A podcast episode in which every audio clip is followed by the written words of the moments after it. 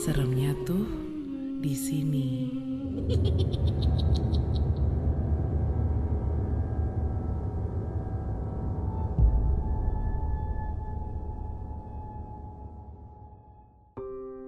Nama gue Dani.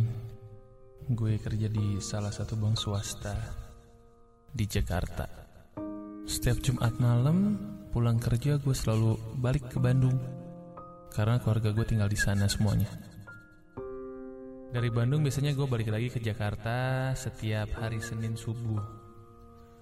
Tapi karena gue lagi nggak enak badan, takut pas besok subuh malah nggak bangun, ya udah deh, gue pulang minggu malam aja.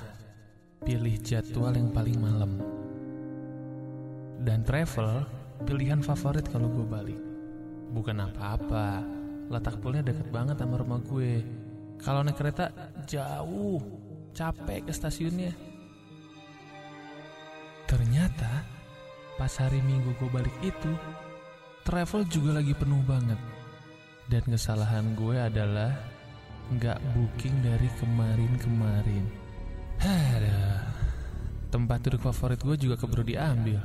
Padahal duduk samping driver itu nyenengin banget dan itu tempat favorit gue. Ya udah deh, akhirnya gue dapat di tempat duduk paling belakang. Untungnya samping jendela. Berangkat dari Bandung jam 10 malam itu keberangkatan terakhir. Dari awal masuk mobil, gue udah langsung merem, ngantuk banget, dan akhirnya ketiduran. Sekitar di kilometer 90-an, gue kebangun. Dan gue baru sadar kalau ternyata di sebelah gue ada dua penumpang, satu ibu dan satu anak kecil. Agak sedikit aneh sih, posisi duduk mereka itu tegang banget. Nggak sesantai penumpang pada umumnya. Dan tatapan mereka juga lurus ke depan. Bulu kuduk gua merinding.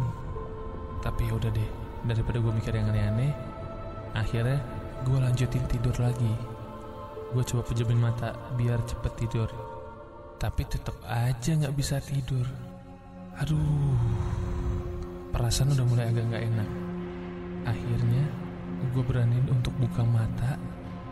Gue coba lihat bayangan ibu dan anak di samping gue lewat kaca jendela. Ya ampun, kenapa mereka ngeliatin gue sih? Meskipun gue benar-benar takut, gue harus berani samping dan mastiin kalau mereka masih ada di samping gue. Gue coba nengok ke samping dan lo tahu ternyata mereka berdua nggak ada di samping gue sama sekali. Bangkunya kosong dan gak ada siapa-siapa. Dan terus itu mereka siapa?